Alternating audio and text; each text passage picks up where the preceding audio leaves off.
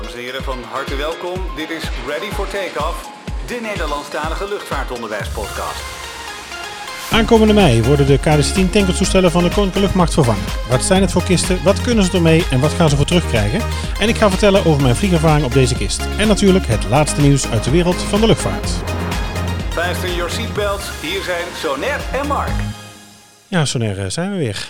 Ja, En we klinken beter. precies. We zitten, Rara, hoe komt het? Hè? we zitten live eh, tegenover elkaar, eh, anderhalf meter van elkaar verwijderd, eh, aan een tafeltje op school. Dus alle studenten, als je luistert, ja, je mag hier eigenlijk niet binnen. Scholen zijn natuurlijk, eh Summer College heeft alle gebouwen afgesloten. Wij mogen in principe school niet binnen. Dan hebben wij het geluk dat wij op een, eh, op een airport zitten die natuurlijk eh, toegankelijk is. Hier de lokalen dicht zijn en wij hier met alcoholgel op tafel, en ontsmettend van de klinken en de podcastapparatuur van thuis meegenomen, zitten we hier nu toch op vliegveld. Ja, op anderhalf meter afstand. Ja, en het is een rare, een rare gewaarwording. We zijn ook net samen vanaf de parkeerplaats. Ja, je komt al aangereden, dan zet je je auto neer met een parkeerplaats ertussen. En dan stap je allebei uit en loop je allebei aan weerskanten van de stoep. eh, ja, loop je dus eh, ja, hier naar de terminal toe. En dan kom je het gebouw binnen en dan zie je eigenlijk ja, niemand. Er zitten, volgens mij zaten er twee mensen achter de servicebalie van Viggo. Eén, zag. Eén zelfs Ja. maar, ja, net zat er nog één bij. Eh anderhalve meter of twee, drie meter ertussen bijna zaten ze samen te praten. En overal staan eh plexiglazen platen voor. Ja. En Stickers op de grond. We zagen op het departure-scherm zagen we één vlucht staan. Dat was van Wizz naar Budapest. Ja, en Wizz is eh, momenteel eh, de grootste luchtvaartmaatschappij van Europa. Eh, dat wil zeggen niet de grootste, maar in ieder geval de, de maatschappij die nog de meeste lijndienstcapaciteit op het moment heeft. Ja, ik vraag me af hoeveel dat een percentage is. Hoeveel zij nu Ja, nou ja, zij, zij vliegen. Als je nu kijkt hier vandaag, is dat eh, de enige vlucht. Eh, ik, kijk nu hier naar het platform. Ik zie hier twee eh, Transavia 737's eh, voor de terminal staan, helemaal dicht. En vier achterin. Ja, en vier staan er na Sierra 12 eh, helemaal afgesield en dichtgeplakt. ook op platform, waar- waaronder de, de Peter Pan. Ja. Staat, er, staat erbij. Ja, en verder zie je hier op het veld niet veel. Wat ik al zei, plexiglazen platen voor alle balies, stickers en strepen op de grond met anderhalf meter afstand. Ja, dat zal het nieuwe normaal gaan worden. Ja, en Albertine to go. Is ook Albert, open. Albert Heijn was open en de Ja. ACO was ook open, zag ik. Ook wel met een... Oh, was eh, de aanko? Oh, dat, ja. dus dat heb ik niet ja, gezien. ja de, voor degenen die eh, niet bekend zijn met Eindhoven Airport. We hebben hier natuurlijk allerlei winkels. Eindhoven Airport heeft een, eh, een Albert Heijn to go. Waar je natuurlijk heel makkelijk ook gewoon spullen kunt pakken, contactloos betalen. Dus daar kun je zelfs bijna eigenlijk zonder medewerkers eh, kun je daar terecht. Ehm, en het is natuurlijk een supermarkt. Die zijn natuurlijk meer open. Afhalen mag natuurlijk. En dan de ACO, eigenlijk de, de, de boekwinkel. Hè, hoe zou ik het noemen? Ja, sigarenwinkeltje heette dat vroeger. Je hebt er sigaretten. Je hebt er eh, boekjes, puzzelboekjes, de krant en wat kleine, kleine hoe heet je het? Ehm, ik kom er niet meer op. Eh, cadeautjes, eh, souvenirs, bulletjes. En dat is, wel, dat is wel open. En dan vertrekt er vanavond dus één vlucht. Nee, vertrekt er een, komt er, ja, dan komt er een avond en vertrekt er een. Ja. Ja, dus het is, eh, het is gek. We zijn hier eh, gaan zitten omdat we natuurlijk al, we zijn een paar weken al gewoon het opnemen. Nou, we hebben van alles geprobeerd en je hebt, al, eh, je hebt ons al van alles horen proberen. Thuis met de Zoom, Sonair en Best met de Roadcaster. We hebben ingebeld en van alles. En ik wilde nu eigenlijk na vijf weken dat mijn leven zich afspeelt op twee vierkante kilometer wel even eruit. en even kijken of ik toch kan autorijden. Dus eh, ja, toch maar naar de airport gereden. Ja, het is gelukt. Hoe hou jij Het, vol thuis? Ik heb in eerste instantie heb ik er echt moeite mee gehad. Ik eh, vond het echt super saai. Mhm. En nu merk ik dat ik er een beetje gewend aan begin te raken. Eh, ja, en Ja, waar- maar ik merk ook wel aan mezelf dat ik, eh, dat ik echt lui aan het worden ben. Dat was ik al een beetje, maar nu nog erger. Ja, Was ik al, zegt hij ook. Nee, je hebt, nou, ja, nou ja, jij stuurde ook al. We waren natuurlijk aan het appen in de voorbereiding hier naartoe van nou, wat gaan we doen? En zullen we, zullen we aan een lange tafel op school gewoon gaan zitten? Eén keer per week. Eh, ja, wat nu kan. Er is natuurlijk hier verder echt helemaal niemand. nee. Eh, dus, dus in die zin eh, kan dat, zolang als dat, dat in ieder geval mag en, en gaat. Ja, je hebt de, de reden om uit bed te komen. Ja, weet je, ik heb natuurlijk sowieso natuurlijk drie, drie kinderen in de basisschoolleeftijd. Groep 3, groep 4 en groep 7.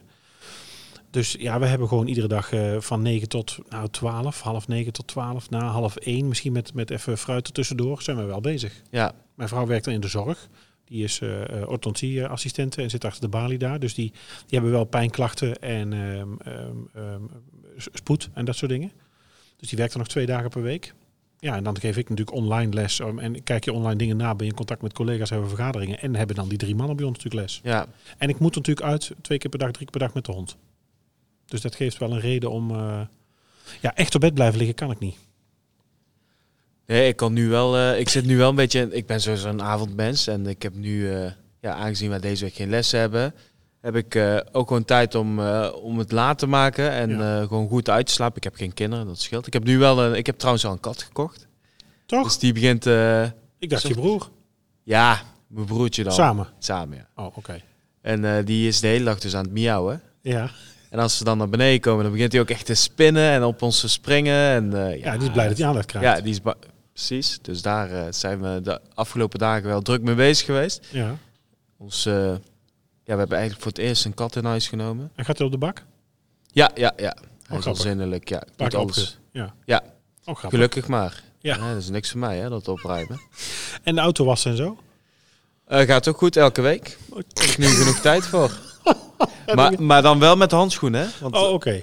Of ik doe even die stofzuigers en mijn schoonmaken, voordat Ja. ik aanraak. En tussendoor natuurlijk mijn handen wassen. Ja, maar even voor de duidelijkheid. Jij rijdt door de wasstraat. Ik rijd door de wasstraat. En dan ja. ga je, en daarna doe je handschoenen aan als je die stofzuigers Ja. pakt. Precies. Oké. Daar heb ik niet eens over nagedacht, want ik zag dat het mij ook heel vuil was. Want iedereen zit aan die stofzuigers, hè? Ja, maar is daar, was druk? Ja, Ja, is natuurlijk goed ja weer, hè? het is mooi weer. hey, en het kappertje. Ja, je ziet het, hè? Ik heb mijn haren niet eens gedaan vandaag. Nou, toch zit het nog goed. Maar het is wel langer. Maar, maar ik ben drie weken geleden is de kapper bij mij thuis geweest. Oh, dus je zit eigenlijk nog net Ja. op het kritische punt. Ja. Ja, het is een goede vriend van mij. Maar eh, Ja, nee, je hebt overal eh, ja, ik heb overal connecties, zitten. Die kat heb ik ook raads gekregen. Echt? Ja. Het is er niet te geloven. Hoe kom je daar nou toch weer aan? Ja, ik kan alles regelen. En wat is het voor kat eigenlijk? Ja, het is gewoon een straatkat eigenlijk. Oh, een straatkatje. Ja. Oké.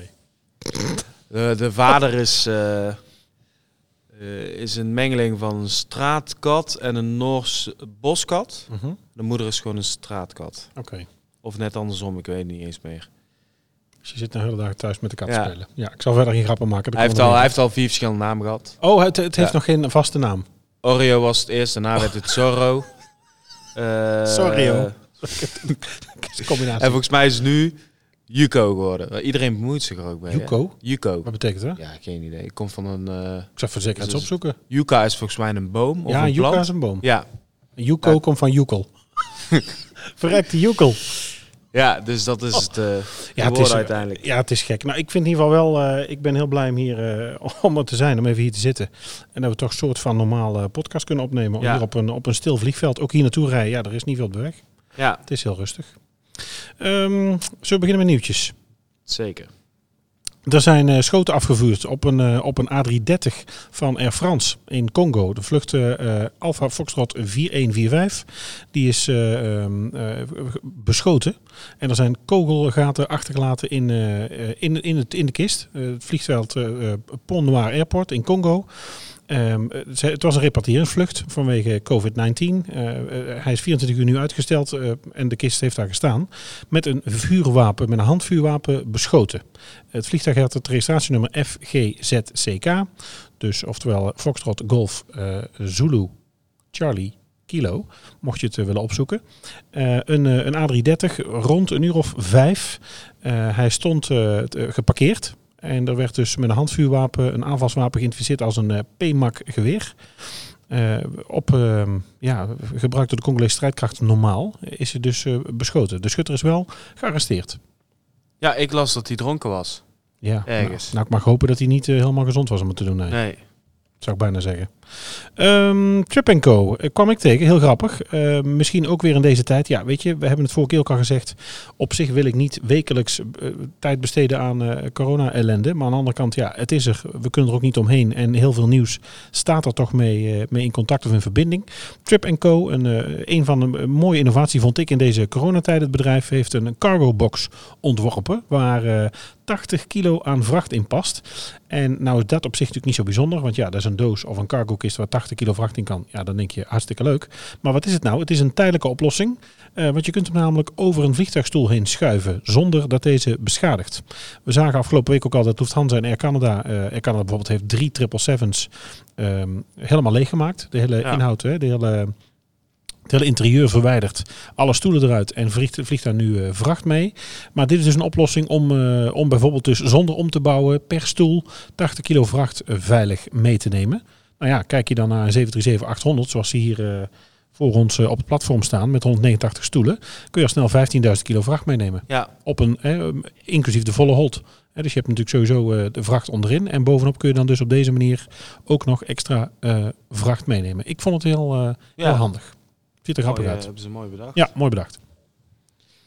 Ja, en daar heb ik ook nog een nieuwtje. Hebben we al een keer eerder over gehad, hè? Het ging niet zo goed met Condor. Nee, De Thomas Cook groep is failliet ja, gegaan. daar hoort het bij. Condor zou overgenomen worden door eh, de Polish Aviation Group, oftewel de PGL. Ja. En die hebben dus eh, aangekondigd dat de overname niet doorgaat.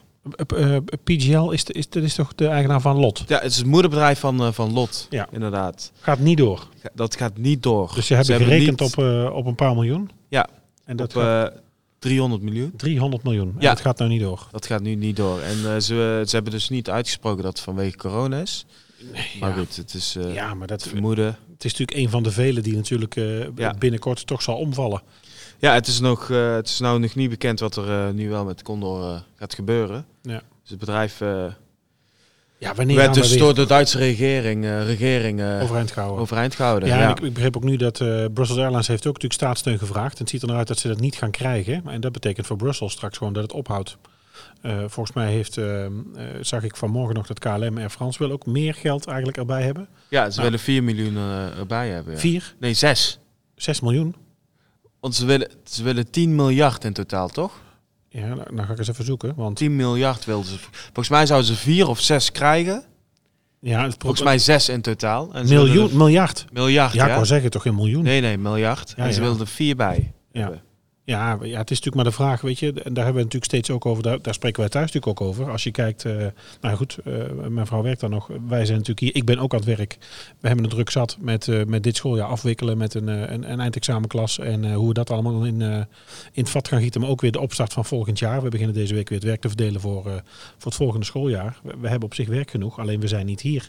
Maar ehm, hoe we weer wel verder moeten, ja, dat zal ook, ja, dat heeft natuurlijk Rutte ook al gezegd, dat zal stapsgewijs gaan. Zoals we natuurlijk langzaam naar sluiting zijn gegaan, zo gaan we straks ook langzaam weer open. Van der Leyen riep eh, van de week op eh, eh, om, niet, om geen zomervakantie te boeken. Nou, ik heb de mijne toevallig ook al geannuleerd van de week, vorige week. Ja, dus, dus wanneer gaan we weer vliegen? Waar ga je dan weer heen? Ja, wat zijn dan de maatregelen? Nou, je ziet nu dat er maatschappijen zijn die een stoel ertussen laten. Of de middenrij niet bezetten. Maar ja, weet je, we gaan natuurlijk ook niet meer. We gaan natuurlijk ook niet van 0 naar 100 terug. We krijgen natuurlijk nu denk ik een klein lesje nederigheid voorgeschoteld. Met, met waar we allemaal heen gingen dat het wat minder moet. Ja. Ja, dan kunnen nu twee dingen gebeuren, denk ik. We gaan of wennen aan het nieuwe normaal, of we gaan straks denken, ja, oh, we zijn, ik, ik heb het verdiend, we gaan allemaal weer volle bakken pad. Maar of dat het dan kan, is maar de vraag. En, Ja. en dan voor maatschappijen als een Condor en een Brussels. En ja, dat wordt toch lastig, denk ik. Ja, ik denk dat ze bij, eh, bij een Air France of KLM dat ze niet zomaar het doek zullen laten vallen. Hè? Dat, ja, Nee. Weet je, dan heb je 35.000 man op eh, straat staan. Ja, maar je ziet ook wel, en dat, en dat is natuurlijk niet allemaal, niet altijd terecht, of meer niet dan wel. Maar er wordt natuurlijk ook wel, ik zie veel op Twitter voorbij komen. We hebben natuurlijk nog Twitter voor onze socials. Mooi moment dit. Wil je ons volgen op Instagram of eh, Twitter? Zijn we, op Twitter zijn we at take underscore ready. Op Instagram zijn we ready for takeoff pod. En we hebben ook een website, summercollege.nl slash ready for takeoff. Maar wat ik wou zeggen, ehm, eh, als je kijkt op Twitter zijn er ook mensen die nu zeggen, ja weet je, al die mensen die bij KLM thuis zitten, eh, wij zijn allemaal aan thuiswerken. Mensen die nu echt niks te doen hebben, stuur die maar de zorg of laten ze wat anders gaan Ja. doen. Of waarom zouden we zo'n grote maatschappij met zoveel staatsgeld, we kunnen ook prima zonder de KLM, laten we, het helemaal, eh, laten we er helemaal mee stoppen. Daar wordt natuurlijk ook wel gezegd. Ja, dat lijkt me niet relevant. Eh, eh, nou, leuk al helemaal niet. Nee. En misschien ook geen goed plan, want het betekent inderdaad economisch natuurlijk voor Amsterdam nogal wat. En omgeving. Ja, en je hebt het over eh 30, 35.000 mensen die ineens zonder werk komen te zitten. Ja. En om dan te zeggen, ja, klakkeloos, die kunnen dan in de zorg aan de gang. Of die gaan iemand onderwijs in. Of dan gaan die de tekorten maar opvullen. Ja, zo werkt het natuurlijk niet. Het, zou wel mooi zijn als ze nu eh, tijdelijk, dus tijdelijk de zorg in kunnen gaan. Hè, totdat het een beetje... Ja, maar zou jij er nu op zitten te wachten om nou te zeggen, je wordt naar een verzorgingstehuis gestuurd en ga daar lekker eh bejaarden wassen of eh, verzorgen? Ja, het is iets heel Nee, moois. hè? ik, ik, zou, Het moet gebeuren. ik zou nu bijvoorbeeld wel in een ziekenhuis willen helpen. Ja. Weet je, nu met de corona-toestand, hè, om, Ja, er is natuurlijk meer dan eh druk mensen wassen. Ik bedoel, ik maak, ik maak nou, weet je, ik maak natuurlijk nou de, de, de foute grap dat mensen gaat wassen. Maar het kan natuurlijk ook zijn dat je eh, hoe heet het, beschermingsmiddelen gaat maken of, of produceren of Ja, rondrijden of weet ik veel. Hè? precies. Druk ligt nu hoog in de zorg, dus eh, Ja. ja. Ja. Ja, te- en, en goed, en dat is, en dan hebben we het er steeds toch weer over. Je, ma weet je, je maakt je enerzijds ook zorgen. Ik vind het ook dat het lastig is om als, eh, als intellectueel, zullen we dan maar even zeggen, eh, waar je de juiste info vandaan haalt. Je moet even kijken waar het goede staat. Eh, Of in ieder geval een combinatie maken van wat je bij Jinek ziet, wat je bij Op1 ziet, wat je op de NOS leest, wat je op Teletext leest, wat je in de krant leest. En wat je verder op Facebook tegenkomt en op Twitter en noem maar op. ja. Ja, weet je, het is heel erg. En iedereen die we verliezen is echt verschrikkelijk. En het is natuurlijk ook met name dat de druk zo hoog ligt, eh, doordat er natuurlijk eh, eh, mensen in het ziekenhuis komen die er vrij lang liggen. Maar ik heb gekeken, ik kwam volgens mij de cijfers van het CBS, was ik gaan zoeken, van normaal sterftecijfers tijdens griep. Ja, dat, dat schommelt tussen de 10 en de 15.000 van de afgelopen 5, 6 jaar. En nu zitten we op eh, 3.500, zo'n beetje. Dat is heel erg, dat is 3.500 te veel. ja. Maar het zijn er nog steeds geen 15. Het punt is alleen dat mensen heel lang op die zee liggen, er geen capaciteit is. ja. En dus ook ziekenhuizen oproepen en de zorg oproepen tegen motorrijders. Goh jongens, het is goed weer, maar stel het rij even uit of rij wat rustiger aan. Want als je nou een ongeluk maakt, dan hebben we misschien geen plek. Ja, dat maakt het nou natuurlijk eh, ja. heel raar. Ja. ja, wat het met maatschappijen doet. eh, Ja, goed, ik geloof niet dat KLM stopt. Dat ze alle vliegtuigen verkopen of gaan overspuiten en dat het ophoudt. Ja, dat er intern bij KLM wel nagedacht wordt over, nou god, moeten we nog naar al die bestemmingen en moeten we zo vaak per week en hebben we al die mensen daarvoor nodig? ja. Ja, daar zal ongetwijfeld over nagedacht worden. En Ja. dit is straks natuurlijk niet, dit is niet in september voorbij. Nee, dat, eh, ik denk dat de luchtvaart de grootste klap gaat. eh, Nou, je ondernemers natuurlijk ook. Een van Weet je, bedrijven, als, je, als je een horecabedrijf hebt wat nu gewoon echt dicht is. ja, Ehm, eh, ik sprak er met mijn zwager over, die, die heeft een, een horecabedrijf, bowling, escape rooms, dat soort dingen. Het, het punt is natuurlijk ook, het kost nu ettelijke duizenden euro's per week. Eh, je hebt je personeel, eh, nou ja, je kunt voor een deel wat opvangen. Ehm, je kunt voor een deel wat dicht. Je kunt kijken naar andere manieren van geld verdienen. Maar goed, straks alle bowlingbanen open, dat kan ook niet. nee. Weet je, dit zal niet zo zijn dat je met kerstvolle bak even het afgelopen zomer kunt gaan inhalen. Nee. En dan daarbij denk ik ook dat alle, het kost nu geld doordat je niet open kunt. Eh, maar ik denk dat het probleem ook is, of dat er voor de ondernemers ook weer een, eh, die hebben daar vast over nagedacht. Dat, voordat je zo meteen open kunt, zul je weer kosten moeten gaan maken. Ja, Want ja, je moet afstand gaan houden. Er moeten plexiglazen platen komen bij kassa's. Je moet ontsmettingsmiddelen hebben. Je moet beschermingsmiddelen hebben. Er moet eerst weer, weet je, er komt nu niks binnen. En voordat je straks open kunt, moet er eerst weer geld tegenaan. Dus voordat die natuurlijk weer, eh, weer, ja, weer dat hebben, tussen haakjes hebben terugverdiend. En dat geldt ook voor luchtvaartmaatschappijen. Dat geldt voor alle bedrijven. Ja, ik denk toch dat dat lastig wordt. ja.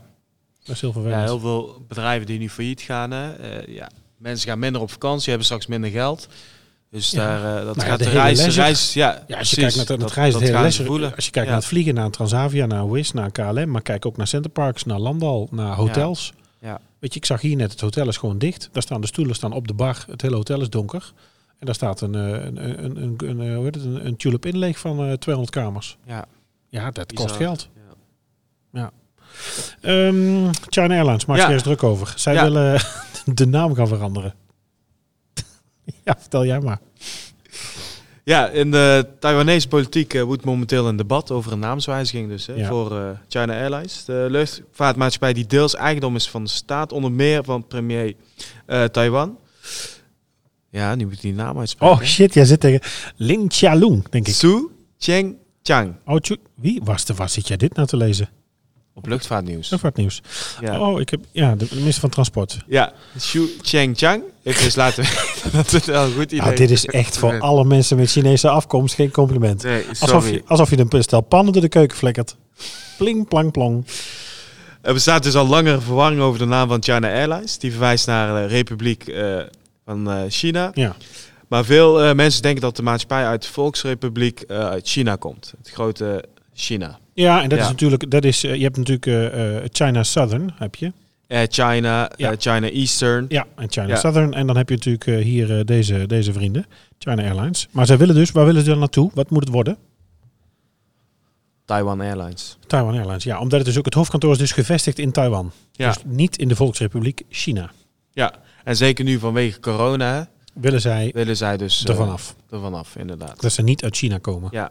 Ja. ja, ik wist dus niet dat eh, in eerste instantie dat China Airlines eh, heb ik me nooit in verdiept, moet ik zeggen. Nee, heb daar ik, zat. Nee. Nee, wist ik ook niet. Nee. Nee, ja, ik snap. Ja, wegens corona. Volgens mij is Eva. Air ook van Taiwan, toch? Ik ga het even googlen. Je gaat je altijd. We hebben toch een soort live redactievergadering hier. We hebben een Ja. voorbereidingsdocument en dan vragen we ons hier ter plekke wat Ja, af. Eva Air is een luchtvaartmaatschappij die in 1989 Dat is met het groen, toch? is opgericht. Ja, in, eh, in Taiwan. Ze maar waar, waar staan de letters voor? EVA? Of EVA? Is het gewoon Ik ga even kijken. IVA? Of is het, heeft het, zal toch gewoon een betekenis hebben, denk ik? Er wordt gezocht.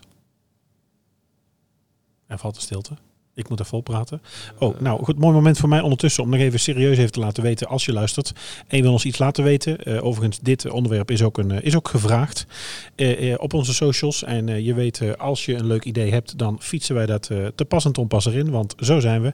Ik heb nu een klein kijkje achter de schermen. Er staan vijf podcasts klaar eigenlijk, qua idee en uitwerking. Maar deze kwam er tussendoor. Heb jij nou ook een idee en wil je ons wat laten weten? Dan zijn we heel snel eigenlijk en makkelijk te bereiken. Ik denk het snelst op Instagram, Ready for Takeoff Pod. Eh, op eh, Twitter kun je ons eh, vinden onder take underscore ready. Mailen mag naar readyfortakeoff.summercollege.nl En we hebben ook een website, summercollege.nl slash readyfortakeoff. En daar hebben we een aparte reageerpagina en sectie. Daar kun je ook alles vinden. Je kunt daar ook oude afleveringen vinden overigens. En show notes van iedere aflevering. Met daarin bijvoorbeeld linkjes van onderwerpen die we hebben besproken. Of als we een leuk filmpje hadden of een luistertip. Dan kun je dat ook daar vinden. Ik besef me nu ineens ook ter plekke dat ik dat nog even moet bijwerken. Want de laatste twee staan er volgens mij niet op. Dus ik denk dat ik dat ehm, vanavond wel even doe. Dus als je dit hoort, dan is eh, de site als het goed is weer eh, compleet. Ja, ik heb het gevonden. Kijk. Want ik, als ik kijk naar de oprichters, dan heet een van de oprichters heet Eva Mensink Va. Mensink, dat klinkt heel Nederlands. Ja. Maar ik kan er niet op klikken, zie ik. Mensink. Maar ik denk dat het daar vandaan komt. En dat is dus van, eh, Oh. van de Evergreen Group. Ah, E- EV. Ever- Ja. Evergreen, heeft, dus die hebben toch ook die 747's? Evergreen Group. Ook met dat groen? Ja, heb ik ook wel eens gezien. kan het die- zo niet Die vinden. hebben diezelfde types als eh Kalita. En eh, die vliegen daar ook eh, vracht mee over de hele wereld. Op gekke plaatsen. Ook als wij, mooi bruggetje weer toevallig. Als wij met de KD-10 ergens stonden, dan, dan kwamen zij ook naast ons staan. Eva Air, Evergreen of Kalita met heel veel vracht. Atlas, Cargo Lux, al dat soort. die hebben allemaal nog 7-4's. Ja, ik zie je. Ze vliegen met de 330, de Triple 7, de 787. Daar hebben ze nu nog maar één van. Oh, ze hebben 29 Triple 7's 300. Oké. En hoeveel 7-4's dan? Hebben zij die niet? Eh 74 hebben ze ook nog. Maar ze hebben alleen nog cargo, zie ik. ja, ja. Eh vier in totaal. Oké. Ze hebben 74 toestellen in Totaal. totaal. En 33 in bestelling. Oké. In bestelling nog? Ja. Oké. Ja, of dat nog doorgaat nu. Nou, eh, nee, ja, dat we hebben het volgens mij vorige week over gehad. Er zijn alle, eigenlijk alle fabrieken zijn dicht. Er wordt Ja. nu niks eh, afgebouwd. De laatste zijn eh, de fabriek uitgerold. Ik heb nog wel gezien dat ze met de 777X hebben ze nog testvluchten gevlogen. Die komt af en toe nog wel buiten. Maar nieuwe kisten nu weer niks. Nee, al het personeel is ook naar huis, dus dat gaat niet. Ja. Hey, het hoofdonderwerp. Ehm, ik wil eigenlijk even beginnen met het geluidsfragment.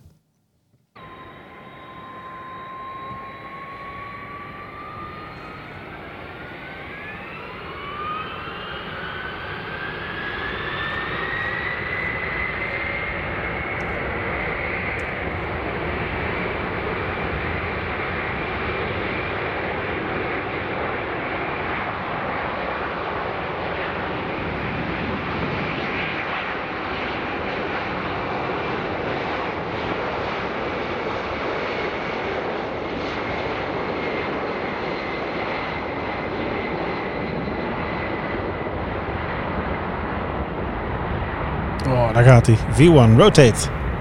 Ja, de KDC-10 blijft toch mooi, hè? Mooi geluid. Ik heb hem heel vaak gehoord hier op Eindhoven. Ja, het is, Ja. Dit, dit hoor je natuurlijk hier. Dit is overigens een filmpje. Je kunt hem vinden op, eh, op YouTube. KD10 Departure. Voor een eh, tanker exercise. En hij vertrekt hier vanaf eh, de vliegbasis Eindhoven. Waar we nu dus ook gewoon zitten. Ja, mooi hè? Ja, Ja, ze blijft- vliegen regelmatig vrij laag over best. Dus dan, dan Ja. kun je hem ook heel goed horen. Ja, ja, we Ja. hadden ook, ik moet zeggen, als wij erin zaten, wist ik ook altijd, als we het laatste bochtje hadden, dan kon je dus inderdaad, of eh, je zag of eh, eh, Aquabest, of het E3-strand, en dan wist ik dat we er bijna waren. Ja. Ja.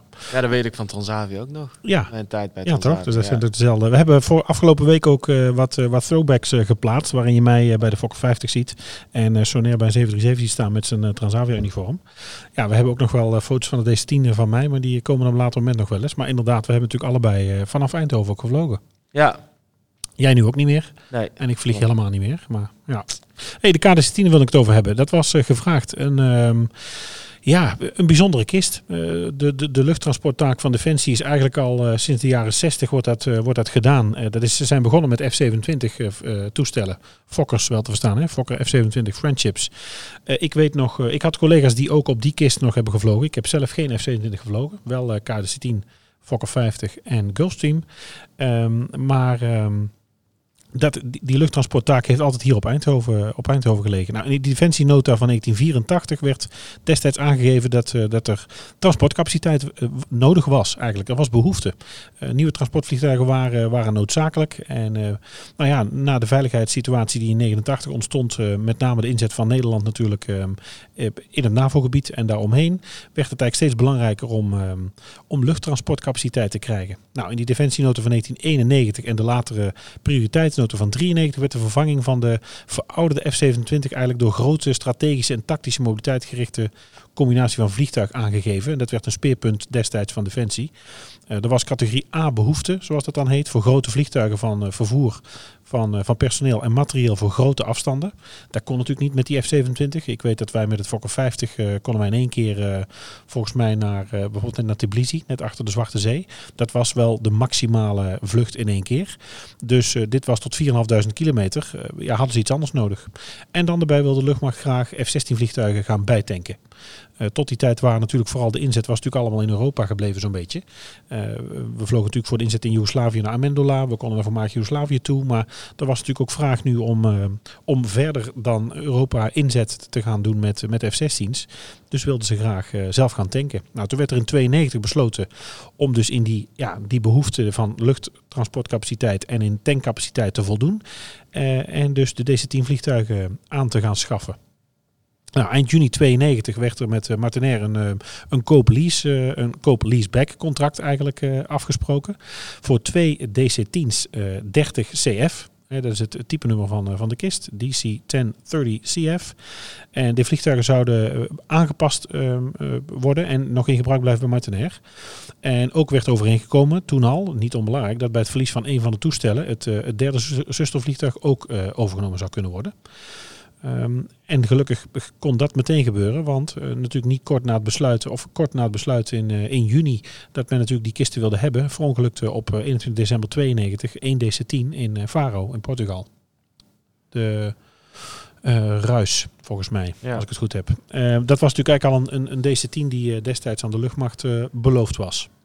Nou, waarom nou die DC-10 en eh, hoe ze nou bij kwamen, daar heb je uitgezocht. Ja, de KDC-10 is, een, is dus een driemotorig uh, vliegtuig van ja, de Koninklijke Luchtmacht. Ja, dat is waar je net ook hoorde. Het ziet er ja. natuurlijk ook... Ja, ik vind nog steeds dat het er heel vet uitziet. Ja, ik vind het een prachtig toestel. Ja. Hetzelfde is, het geldt voor de MD-11.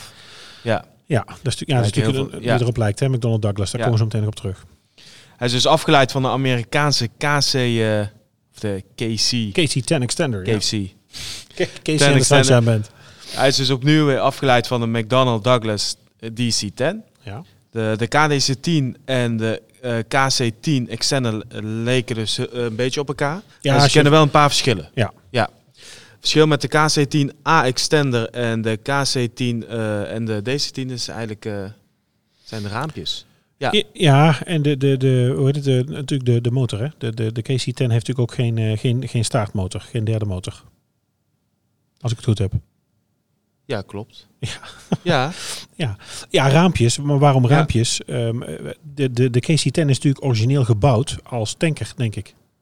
En dat is natuurlijk, de KDC-10 is natuurlijk gewoon een, uh, een passagierstoestel. Wat is omgebouwd. Ja. Vandaar natuurlijk dat verschil. Ja, en de Nederlandse KC, uh, de KDC-10's, die waren uh, dus eerder als passagiersvliegtuig in dienst bij Martinair. Mm -hmm.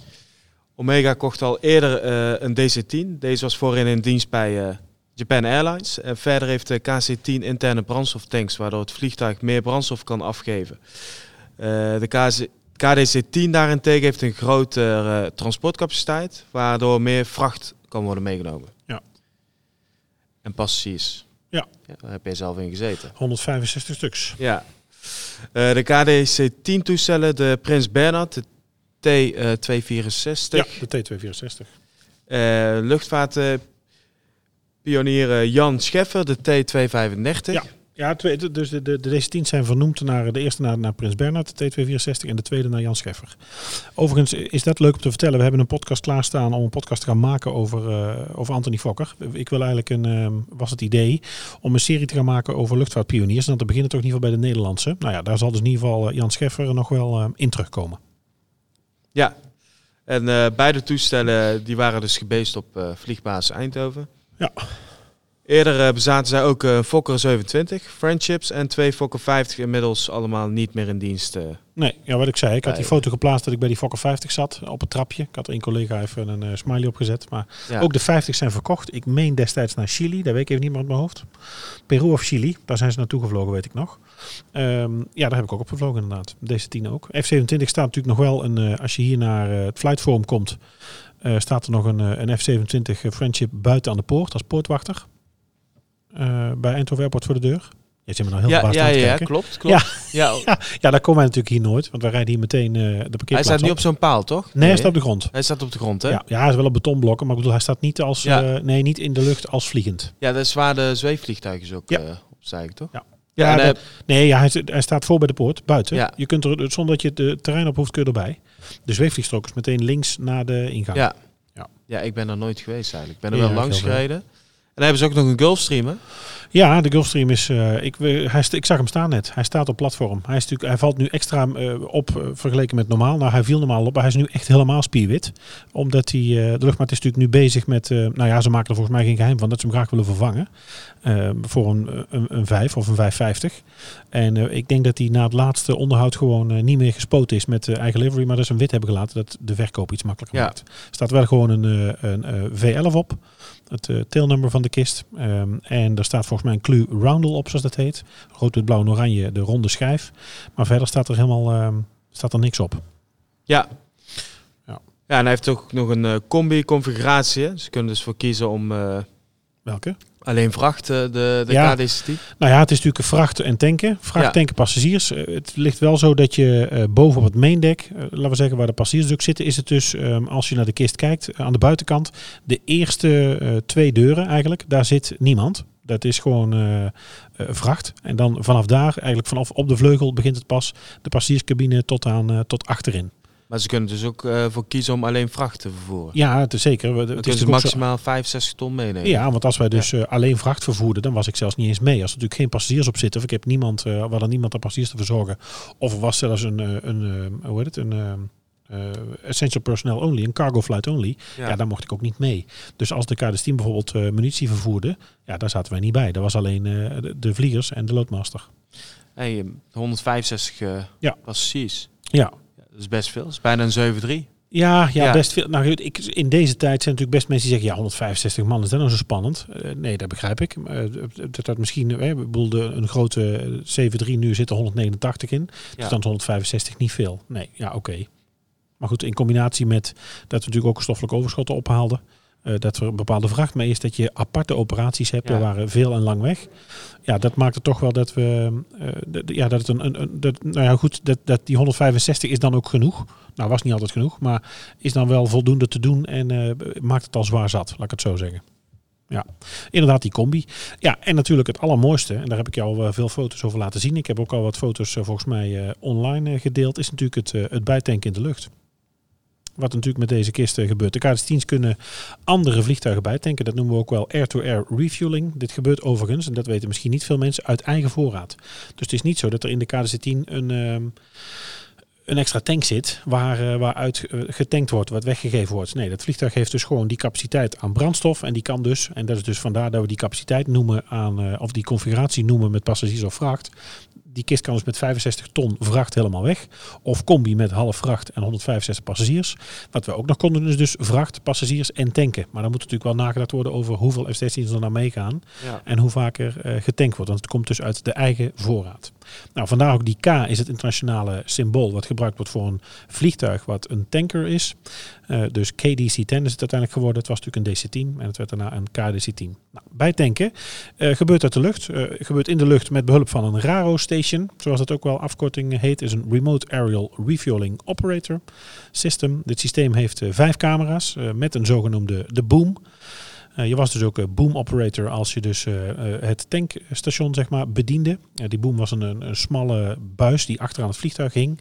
Eh, als je nu zit te luisteren en je kunt bij een computer, zoek maar eens even een foto op als je hem niet kent van de DC-10. En je ziet er aan de achterkant, middenonder komt daar een, eh, een grote buis van een meter of acht eh, uit. Die is uit te schuiven tot, tot 15 meter overigens. En daarmee kunnen ze dus allerlei vliegtuigen bijtanken. Nou, die aanpassing van die DC-10 die omvat de installatie van de boom. extra verlichting, ook aan de buitenkant. Want er zitten namelijk ook reflectoren op dat een, een vliegtuig wat naast je vliegt je ook kan zien en kan inschatten wat de afstand is. Er is aan aanpassing gekomen aan brandstof, elektrische en hydraulische systemen voor de gebruik van de boom eigenlijk. En een remote air fueling operator bedieningsstation is er destijds ook ingezet. Het Raro Station wat ik net noem. Overigens samen met eh, militaire avionica en navigatie- en communicatiemiddelen is die kist eh, aangepast. Nou, wat daar verder aan aanpassing is gedaan, McDonnell Douglas heeft dat gedaan, eh, die DC-10 vliegtuigen. Dat hebben ze niet zelf gedaan, dat hebben ze uitbesteed destijds aan de KLM. De aanpassing van die twee vliegtuigen is begonnen in oktober 94 en is in februari 95 eh, afgerond, respectievelijk twee en drie maanden later dan eigenlijk voorzien was. Aangepaste toestellen werden in september en december 95 overgedragen aan de luchtmacht en de aanpassing is, eh, heeft twee keer zo lang geduurd als dat eigenlijk was aangegeven. Over de kosten kon ik zo snel even niks vinden, maar ongetwijfeld zal dat ook iets meer Ja. hebben gekost dan gepland was. En even terugkomend op eh, de verschillen tussen Ja. de KDC-10 en de Eh, KC-10 KC Extender. Ja, Ja. Die heeft wel eh, gewoon een staart. eh, Oh, heb ik dan, dan zit ik met dingen in de war. Ehm, ik weet welke jij bedoelt. Is dat de 707 dan die ook kan tanken? Nee, dus de KC-10. Ja, de nee, die heeft wel een derde staartmotor, maar welke maar geen raampjes. Dat is dan, Nee, dat is dan Nee, raampjes is Ja, dus het grote verschil. Het ene is dus begonnen als, als eh, passagiersvliegtuig, is, is vracht slash tanker geworden. En het andere is gewoon gebouwd als tanker. Ja. Maar hoe kom ik er dan bij dat, dat, dat hij geen derde staartmotor heeft? Welke kan dan, eh, is dat dan... Heb je een foto daar? Maar eens Ja. even zien. KC-10 Extender. is gewoon, Ja, hetzelfde. het is gewoon hetzelfde. Ja. Maar dan, eh, met dan zonder Maar welke, welke tanker heeft de Air Force dan nog meer die, eh, die dan... Is dat een, is dat een Boeing? Eh, 707? deze, denk ik. Ja, welke is dat dan? De KC-135. De KC-135. Ja, ja, ja, ja, ja. Dat, die fout hadden we gemaakt. Ja, sorry. Excuus. Ehm, ik was bij tanken gebleven. De Boom. Eh, overigens, als je kijkt, ik weet niet waar die bij die eh, KC-135 bestuurd wordt, maar er is ook een tijd geweest dat je dat, eh, dat de Boom operator achter in het vliegtuig lag en dus oog in oog was met de cockpit van het toestel wat erachter vloog.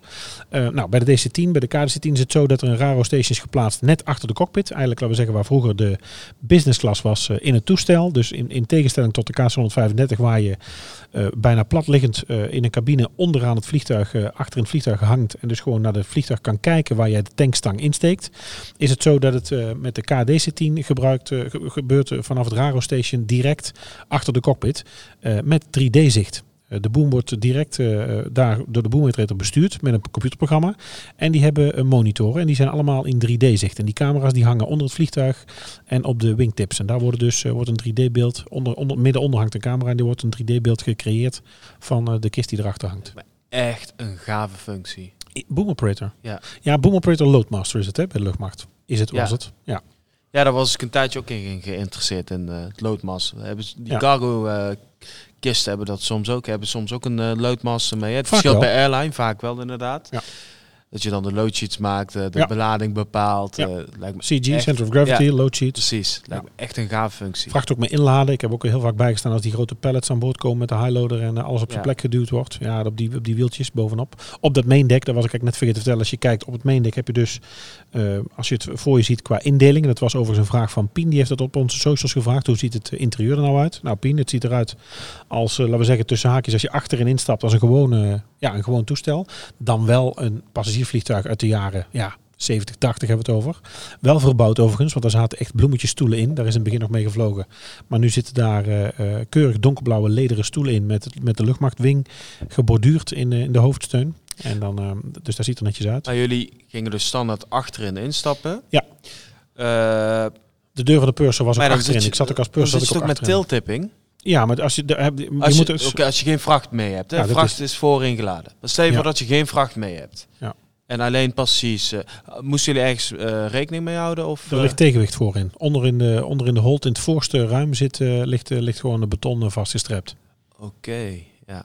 Ja, om, te verzorgen, om ervoor te zorgen dat dat dus niet, eh, dat hij inderdaad niet achterover kiekelt. Want als je Precies. natuurlijk sowieso dat zwaartepunt ligt natuurlijk op de vleugels hè, bij, het Ja. meeste, bij de meeste vliegtuigen, maar natuurlijk hierbij iets naar achter, want je hebt die grote staartmotor. Ja, Maar er lag altijd eh, voorin, volgens mij onder, in de eerste hold, onder de cockpit lag eh, gewoon eh, beton op eh, pallets vastgestrept. Mocht je zitten luisteren, het is niet zo, laat even weten. Maar dat is volgens mij in mijn beleving het geval. En dat ging eruit als daar bepaalde verachting ging van hetzelfde gewicht. Weet je, dus dan kon die pallet eruit, dan kon daar gewicht in, dan was, je, was het ook opgelost. ja. Maar dan moest er ook weer vracht terug zijn, anders heb je natuurlijk op de terugweg hetzelfde probleem. Want wij stapten inderdaad altijd achterin in, de laatste deur. ja, daar moesten wij altijd rekening mee houden als, Ja. eh, Als, als eh, loodcontroller. valt op zijn kontje. Ja, Ehm, ik was met tanken bezig, hè? 3D-zicht. 3D-zicht onder de camera, de camera's hangen midden onder de kist, eh, net bij de boom eigenlijk. En als de boomoperator de boom naar beneden laat, kan hij dus in 3D-zicht met een brilletje op, eh, op verschillende schermen dus eh, zien waar bijvoorbeeld de F-16 eh, of straks de F-35 eh, hangt. Nou ja, niet meer achter deze, maar waar het toestel hangt wat je bijtankt. Om dus op de juiste plaats de tankstang in te steken. Wat ik al zei, die boom is dus 8 meter als hij daar ingevouwen achter hangt. Wij hoorden dat ook altijd als die naar binnen gehaald werd of tegen de kist aanklapte, zeg maar, als hij weer vastging. En dan gaat die 15 meter gaat naar beneden, die steken ze uit. Of die 8 meter gaat naar beneden, steken ze uit tot 15 meter. En dan werd die bijvoorbeeld eh, in zo'n F-16 eh, net achter de canopy, net achter het, eh, het bolle raampje, eh, werd die ingestoken. Eh, als je een F-16 kent, eh, en de kenners die zitten te luisteren, die weten dit. Je ziet daar het, eigenlijk de tankingang, laten we zeggen de tankdop, is een, een, een langwerpig gat wat opengeschoven kan worden. Je ziet er ook die strepen rondomheen staan. Kijk maar eens voortaan nu naar een F-16. En kijk maar direct achter de canopy, direct achter de cockpit. Daar zie je waar, dat, waar de tankdop eigenlijk zit. Ehm, ja, dan heb ik ook nog wel even uitgezocht, maar dat vond ik eigenlijk meer iets voor jou. De liters per minuut met tanken.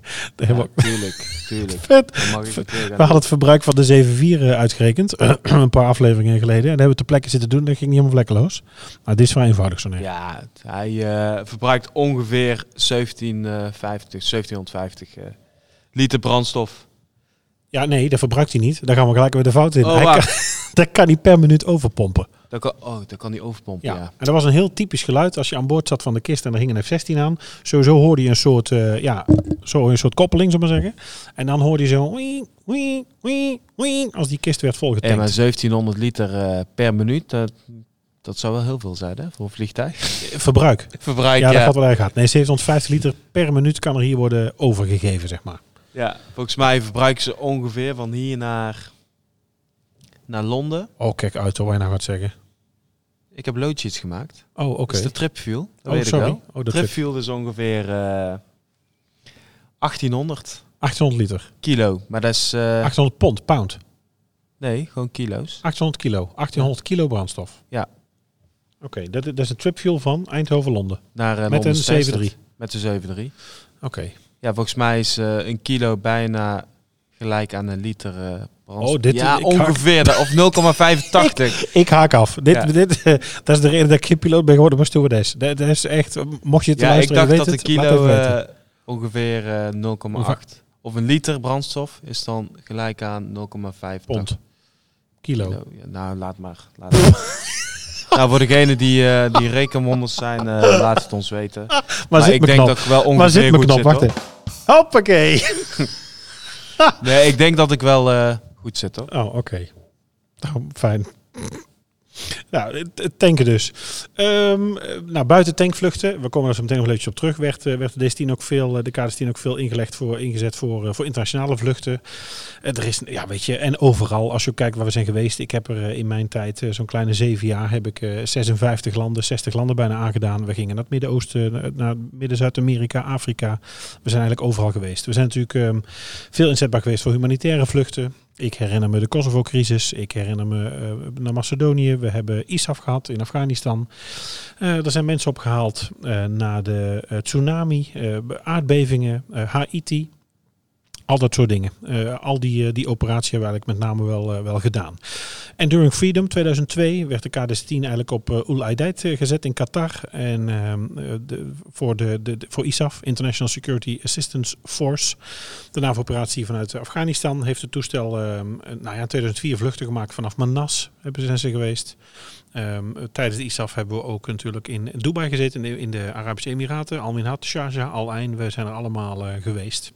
2010, ehm, dat weet ik ook nog, toen was ik ook nog in dienst, eh, zijn er collega's naar Haiti geweest.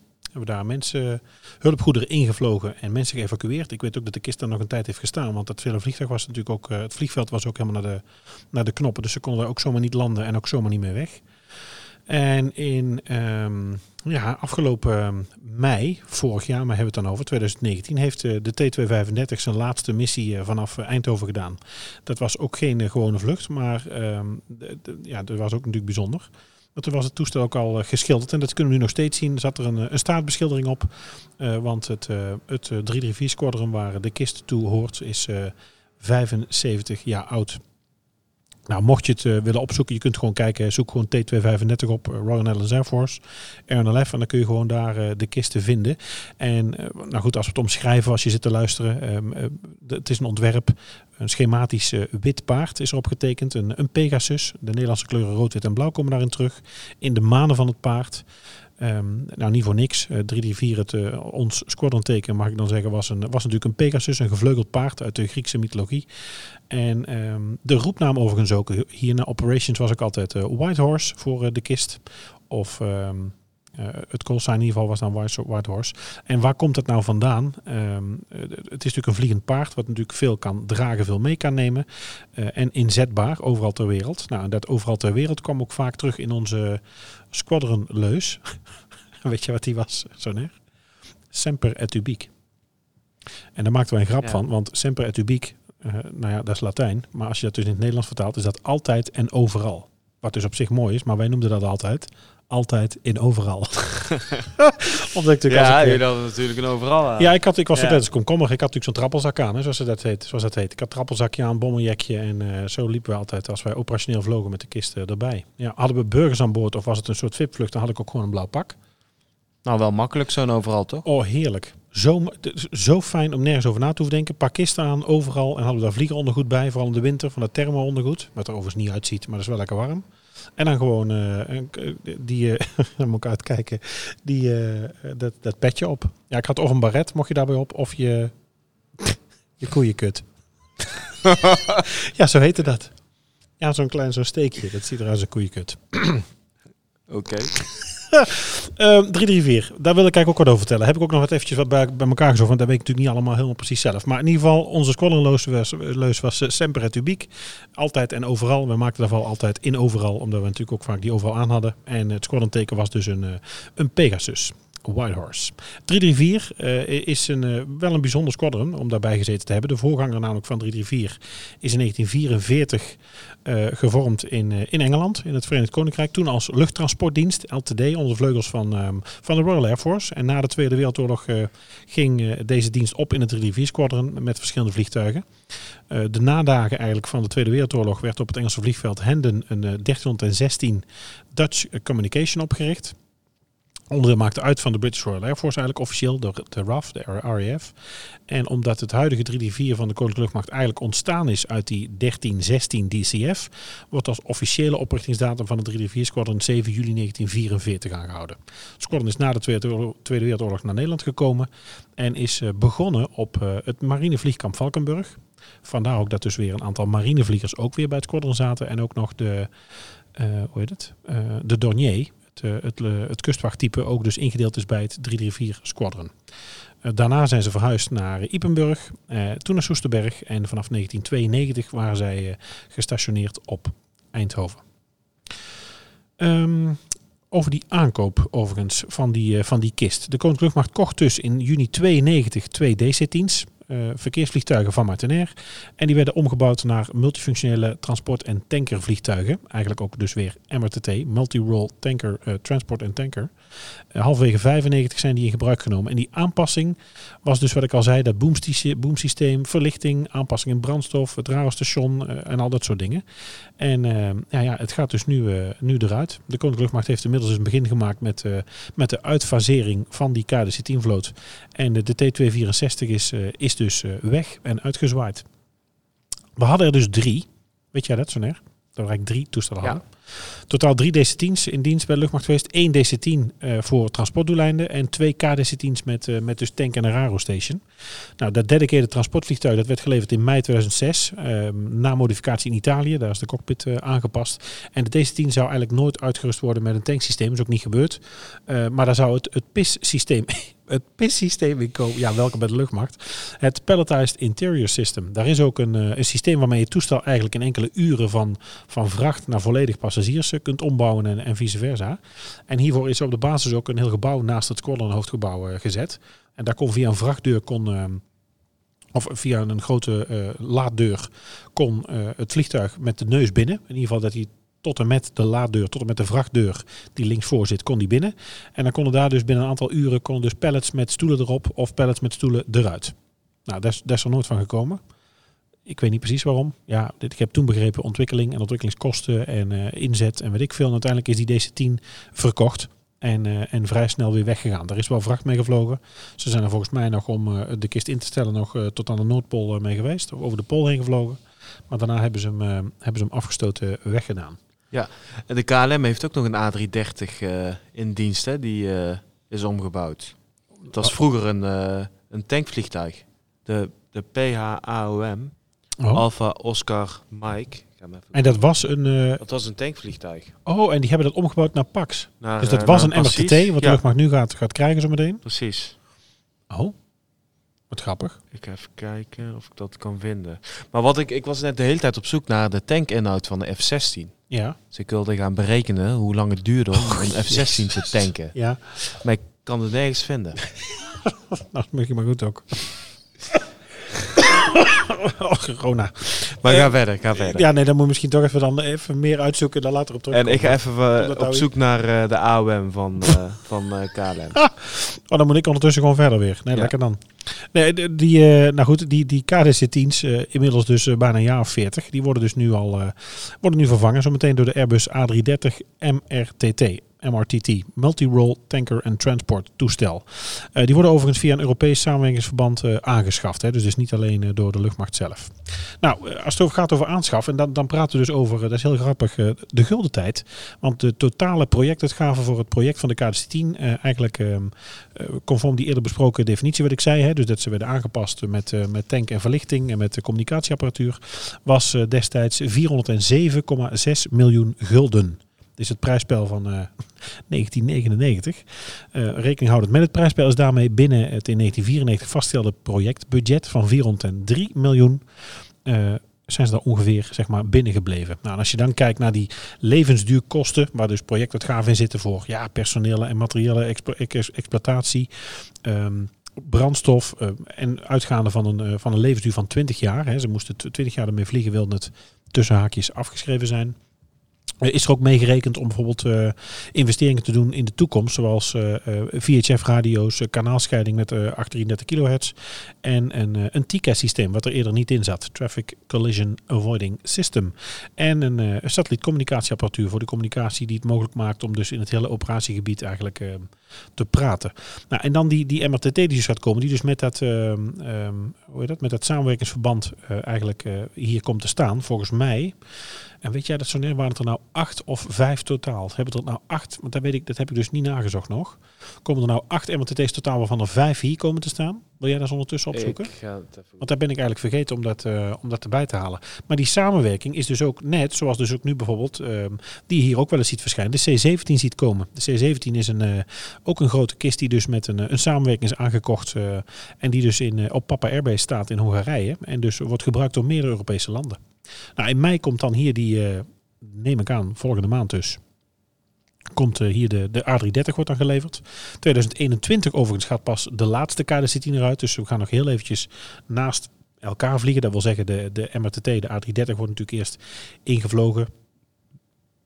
Bekeken, mensen worden eh, opgeleid. Er wordt natuurlijk eh, ingesteld, laten we zeggen, van alles wordt uitgeprobeerd en, eh, en gedaan met die kist. En pas als dat helemaal werkt en iedereen opgeleid en klaar is, dan gaat de laatste KDC-10 eh, eruit. Ja. Ja, maar Ik heb het opgezocht. Ja. Er zijn er acht. acht totaal, waarvan er vijf hier op Al Airport. dus Wikipedia. Ja, oké. Nou In ja, 2016 zijn ze besteld. zou kunnen. Maar Ja. en wat, dan komen er vijf, denk ik, op Eindhoven Airport te staan. Van de acht. Die zijn eigendom. Dat is wel veel. Als ik kijk naar het platform, ik ben heel benieuwd hoe ze dat gaan doen. Want dat is er nu... Eh, ik zie hier vier op Eindhoven staan. Oké. Eh, en de overige drie op Keulen. Eh, in 2017 hebben ze dus besloten om een extra toestel aan te Ah, schaffen. kijk. dus, waar komt die dan? Kijken, acht toestellen aan welke eveneens op Eindhoven je? Ja, zal dus worden. vijf hier. Dus vijf, vijf op Eindhoven, ja. Ja, acht dus in totaal, waarvan er vijf hier op de airport komen. Nou, dat wordt een drukke, Ja. druk, druk gedoe hier. Waar je dus eerder twee KDC-10's had, nou ja, heel even drie. Waarvan er vaak ook wel, laten we eerlijk zijn, ook wel eh, stil stond. Eén, Ja. of soms twee. Eh, heb je nu zometeen hier vijf Airbussen. Oké, het zijn natuurlijk nieuwere toestellen, nieuwere motoren, dus ze maken wat minder Een stuk, lawaai, stuk stiller, ja. Ehm, die, eh, die MRTT's eh, overigens, en dat kun je misschien daar en daar zien, als ik het goed heb, is dat volgens mij gekocht met België, Duitsland, Luxemburg en Noorwegen. Totaal dan dus acht, waarvan er dus hier vijf eh, op Eindhoven komen te staan. En volgens mij heeft Tsjechië zich recent bij dat samenwerksverband eh, aangemeld om ook mee te gaan doen. Dus dan is het zometeen België, wat zeg ik nou, België, Duitsland, Luxemburg, Noorwegen, Nederland en Tsjechië. Dus met z'n zessen. Ja. Maar z'n zessen. Maar er zijn al, eh, even kijken, Australië die vliegt er al sinds eh 2000 Ja, met het type bedoel je? met type ja, Ja, ja, ja. mee. Eh, de Emiraten hebben hem ook. De Britten. Duitsers hebben wel 330's, maar niet als tanker, denk ik, hè? Luftwaffe. Ja, klopt. Toch? Die hebben toch wel, Ja, die is, die is al hier op Want ik, wou zeggen, die komen heel vaak hier. En ook met de A310 volgens mij. Ja. Ja, kort, dat korte, korte ding. daar kunnen ze wel mee tanken, Met die A310 van Duitsland? dacht ik. Oh, dat weet ik niet. Zou Was niet van Duitsland.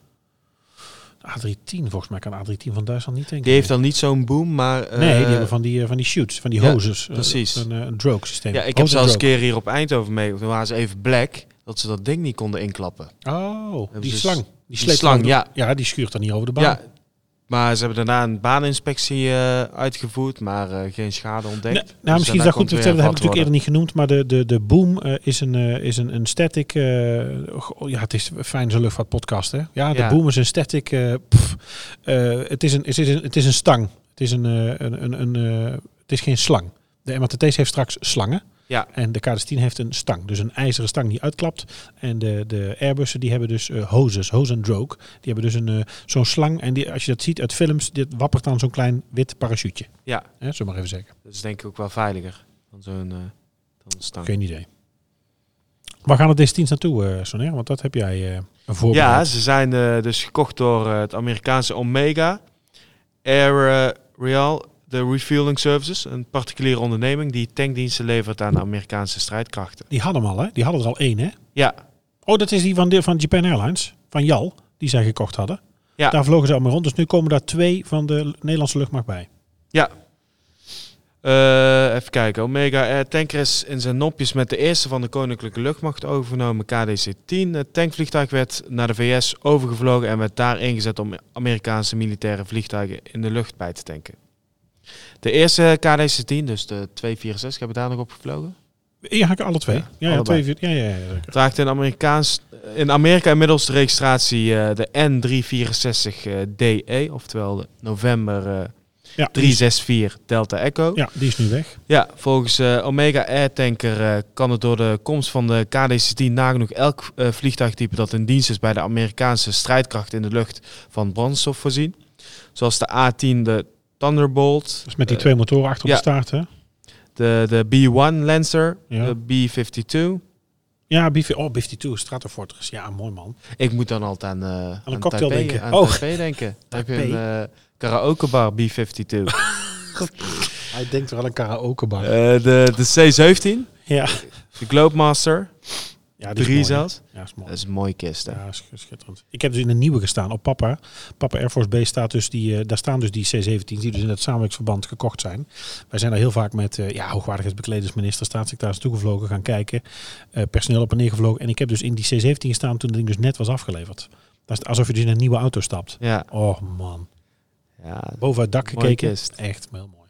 De E3, de F-15, de F-16, de F-35, eh, de KC-10 Extender. Ja, dus je kunt dus, ja, dus ze kunnen dus Ja. met de KDC-10 de KC-10 extender bij tanken. dat, dat lijkt me wel grappig om te zien. Zo, twee, twee, van die eh, grote bakken achter elkaar. Ja, dat is wel mooi.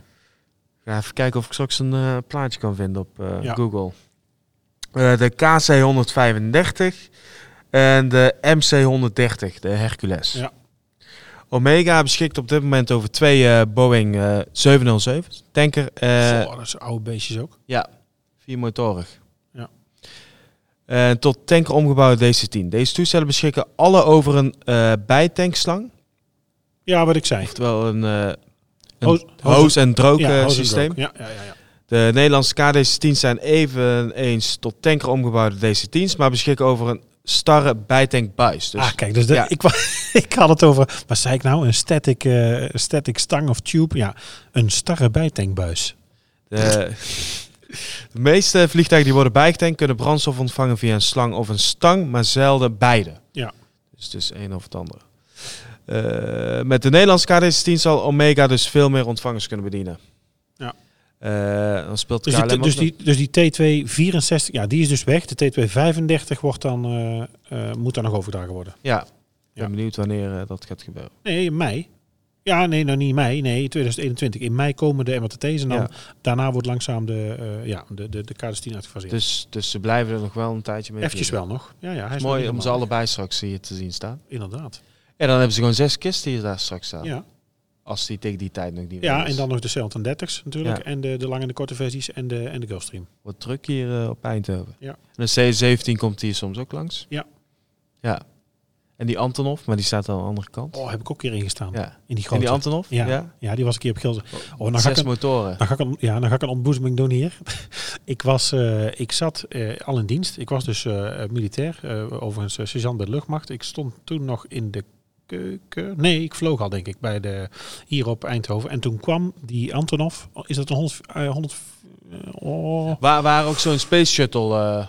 eh, Ja, die grote. wel, die ja. grote met die... Met die oh, Ik de had 100, met 100, 125, 106, ik weet niet meer. Oh, erg. ik denk... Nee, twee, is het de 225? Ja, met die zes motoren. 225. Nee, je hebt- Nee, het is die hele, die grote... space. Nou, kom ik maar. ga, ik ga hem vinden. Uit, eh, uit de Oekraïne. Uit het, eh, verschrikkelijk. Dat is dus heel ja, het is de 225. ja, twee- die kwam dus op, eh, op Gilze om daar helikopters te halen om naar Afghanistan te brengen.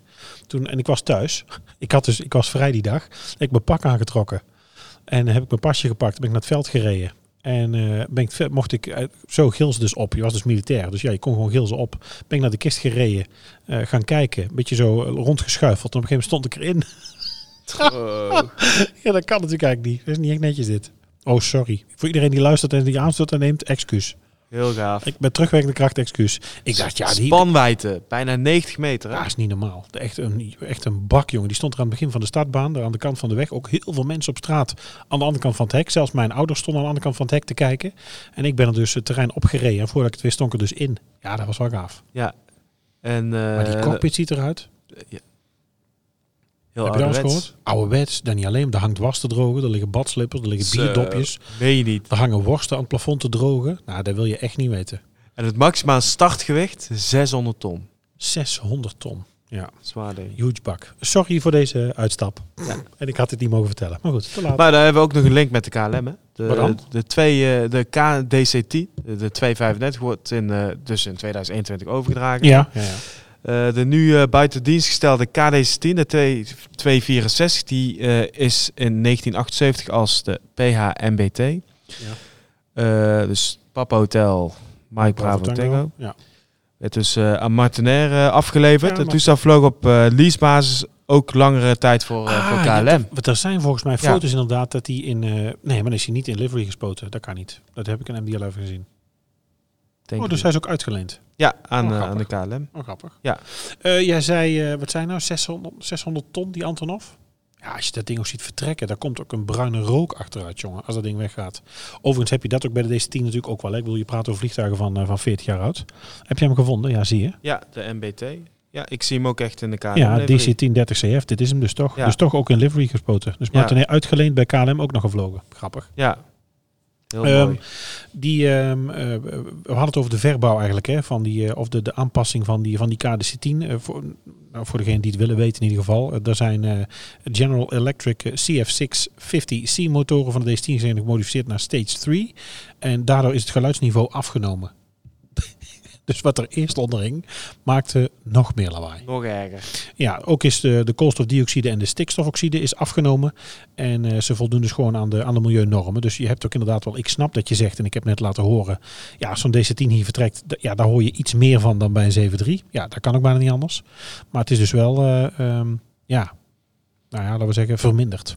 En eh, volgens mij is de, de, de geluidsklachten hier van, ehm, van Eindhoven, eh, of Eindhoven Airport en eh, de vliegbaas Eindhoven, volgens mij komt er 10 of 15 procent, schrijven ze dus toe aan, aan de DC-10. Ja, de, zoals de 737 Classics, die mogen niet binnenkomen. hè? Corendon Ja, dat is vliegen, de met- met die hele- 737 300. Met, die hele smalle motoren eronder, echt die zo'n echt zo'n. nee, de, aan de hebben. 300 nog niet. Dat, is, Oh. met- dat is de 200. Ja, dat is echt Ja, tering, Harry. ik heb daar ook nog op gevlogen, op de Echt? 73 Maar dan bij Corendon? Ja, bij Corendon. Oh. Ik heb één vlucht eh, meegedaan. Grappig. Amsterdam, eh, nee, Antalya, Amsterdam. Nou, in ieder geval, Ja. motoren zijn vervangen en hij zit daarmee binnen een geluidsnorm, laten we zeggen. De KD City. Ja, als het over type vliegtuigen Ja, nee, gaat, dan blijven, blijven we praten. Hè? Ja, dan We kunnen we zitten nog nu al eh, over een uur heen. Ja, we zitten over een uur in. Dat zijn we niet zo gewend. Dat is eigenlijk niet Nee. voor ons. Maar goed. Ja, ach. Eh, Je had nog wat vragen. Nou, we hebben dus één... eh, nee, ik had ook nog vragen. Nee, ik had geen vragen. Er was een vraag eh, van eh, Pien. Hoe ziet het interieur van de KD10 eruit? Dat had ik misschien niet helemaal beantwoord. Nou, de KD10 ziet eruit als je de voordeur binnenstapt. Laten we zeggen één links, deur 11. Dan kom je meteen bij de cockpit binnen. Dan loop je eigenlijk tegen het Raro Station aan. Links ga je de cockpit in, er zit nog een toiletje. Rechts schuin voor je heb je het Raro Station waar de boom operator loadmaster zit. Daarachter komen bunks, daar, kunnen, daar kan eh, cockpitpersoneel en de boom operator loadmaster kunnen daar slapen. Dan staan er rechts van je staan er nog, eh, even kijken, drie, zes, negen stoelen volgens mij. Daarachter staan er wat containers en wat opslag en ook nog bunks om te slapen. Dan ga je door het cargo en crashnet heen en dan kom je op het, eh, op het main deck terecht waar we cargo kunnen vervoeren. Dus waar je vracht kunt vervoeren. Daar staat dus niks. Dat kun je dus helemaal doorlopen tot aan de tweede deur. Ehm, en daar kom je dan eh, in de passagierscabine. Daar staat gewoon een bulkhead. Daar staat, je komt eerst naar de toolbox tegen van de technische dienst. En nog een pallet met, eh, met eigenlijk eh, vracht voor, ehm, ehm, hoe heet het? Of een pallet waar, waar de, het personeel, de crew, de koffers kwijt kan. Dan stap je voorbij de bulkhead door het gordijntje. Dan kom je in de passagierscabine. En daar zie je eigenlijk gewoon een 3-4-3 indeling van een, van een lijntoestel met bagagebakken erboven. Donkerblauwe vloerbedekking, donkerblauwe lederen stoelen met het luchtmachtlogo erin geborduurd. Witte headrest covertjes en dan eh, witte bagagebakken met een, eh, met een grijs streepje erboven. Met gewoon een indeling met stoelnummers. Dus gewoon, je hebt gewoon rij 13 of rij 24 en dan stoel ABC. En, eh, en zo ziet het er gewoon uit. En dan helemaal achterin loop je door. Dan kom je bij de purser seat eigenlijk terecht. Daar zitten overigens ook gewoon attendant seats in, opklapbaar, aft facing, zoals dat dan heet. De purser en de mensen overwing zitten aft facing. Die kijken dus tijdens start en landing naar de passagiers. De passagiers dus aan en dus eh, in, eh, tegen de vliegrichting in. En eh, achterin rechts, de laatste eh cabin attendant seat is dus eh, eh, front facing. Die kijkt dus vooruit. Nou, als je helemaal achterin komt, dan kom je eerst in de galley terecht. Een, een grote galley waar je, ik even nadenken hoor, drie, vijf grote trolleys, vijf storage ruimte voor trolleys hebt. En dan dus gewoon de containers daarboven. En daarbij dus ook gewoon de koffiemakers, oventjes en, en koelruimte. En dan daarachter zitten nog dockhouses met daar dus equipment in. En helemaal achterin zitten er vier toiletten. Dat is hoe, je, hoe de KDC-10 er van binnen uitziet. Ja, en als je het googelt kun je ook eh, heel veel vinden? foto's eh, ja, van de cabine. Oh ja, in principe Donker- mocht dat nooit. Je mocht, wij mochten eigenlijk nooit eh, aan boord foto's maken. En van passagiers sowieso niet. Dat deden wij ook niet. Maar Maar als je het googelt kun je het gewoon kun vinden. je het gewoon vinden. Oké, dus Pien, als je nog wil weten, zoek eventjes eh, naar het interieur KDC-10. Oh, de hoogvliegersvlucht zie ik nu Ja. daar bij jou in beeld. Ja, en heel leuk de tijd dat we... Dat is ook mooi met die rode headrest covers. Do not use. eh. Ja, de Ja. draagarmen. Daar komt er dat er een, een rijtje van vier. En er zaten alleen onder de middelste... Of een rijtje van vijf in het midden. Een rijtje van vier in het midden. Dan alleen de middelste twee stoelen zat een draagarm onder. Dus we hebben een tijd gehad dat dat niet eh, bezet mocht zijn. ja. Mooi ding hoor. Oh nee, wat zeg ik nou? Zei ik nou 343? Het is 252. In het breedste gedeelte. Toch? Zoveel stoelen, ja? Ja, ja, ja. Midden, ja, Ja, klopt. ja, ja, 252. ja. Zo, Oh, aparte 252. configuratie. Ja, nou, van de, en dat is ook het hele probleem. Dat we, op een gegeven moment konden we dus alleen maar die middelste drie bezetten van de middelste rij. En dan mochten de buitenste stoelen niet bezet vanwege het gewicht. Ja, keuring, eh, weet ik het allemaal veel. Certificering, gedoe, boutjes, stangetjes, ellende. Maar goed, ik, ik ga ook niet onder stoel of banken steken als we een flinke harde landing maken. Dat we ook wel eens dat de bagagebakken overvlogen of dat het Ja. plafond naar beneden kwam. Ja, weet je, die dingen zijn 40 jaar oud. Ja, Maar ik ben nooit bang geweest, moet ik zeggen. Echt niet. en dan hebben we ook nog een vraag van, of twee vragen. Bianca Narcissa. Bianca Narcisa, ja, denk ik, ja. Dus de, de eerste vraag meer voor jou. Wat dan? Waarom heb je voor de, luchtvaart, eh, voor de luchtmacht gekozen en niet bijvoorbeeld commercieel? En waarom heb je gekozen voor de KDC-10 en niet een ander toestel? Oké, eh, gekozen niet commercieel. Nou, ik denk dat er voor mij, eh, weet je, al- als droom zat er uh, piloot wiskunde gewoon niet in. qua rekenen, daar was ik niet zo goed in. Ik was, ehm, eh, ik liep, ik, ik was kok. in Oosterhout. Ik ben uiteindelijk het leerlingstelsel ingegaan. Mijn, mijn ouders hebben altijd in de horeca gezeten. Ik ben geboren en getogen zeg maar, in de horeca. Dus de horeca in was een logische stap. Ik ben toen naar de kokschool gegaan. eh, ben eh, gaan werken. En kwam op een gegeven moment eh, bij de Vrijheid in Oosterhout terecht. Daar kwam een Femke kwam daar stage lopen. En dat is uiteindelijk ben ik mee getrouwd en dat is mijn vrouw. En haar vader, mijn schoonvader, zat al eh, 30 jaar bij de grootste kampeerclub van Nederland, zeg ik nou altijd. Dus dan kwam je alles met een open dag of met een familiedag kwam je op het vliegveld. Die zat destijds op Gilserijen. Dus daar ben ik toen ook gaan kijken. En dat, dat sprak mij zo aan dat ik uiteindelijk in dienst ben gegaan. Dat ik militair ben geworden als kok.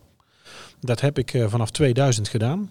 En daar ben ik in 2006, 2007 eh, ben ik daarmee gestopt. Want toen kwam eh, de kans voorbij. Eerst eigenlijk om te gaan studeren. En toen dacht ik, ja, wat ga je dan doen als je kok wil blijven? Of wat ga je daarnaast doen? Nou, toen ben ik docent consumptieve techniek gaan doen. aan het Fontes, hier in Eindhoven. Overigens zat ik in de klas bij, bij Johan, bij meneer Kootkar. Wij zaten samen daar tegelijkertijd op de opleiding. Ik was wel begonnen in jaar drie en hij zat al vanaf jaar één erin. Ik heb de opleiding eh, verkort, eh, verkort mogen doen omdat ik een instructeurscursus had en een opleidingscursus had eh, eigenlijk bij de luchtmacht. En toen ik dat afgerond had, dacht ik, ja, weet je, wat ga ik nu doen?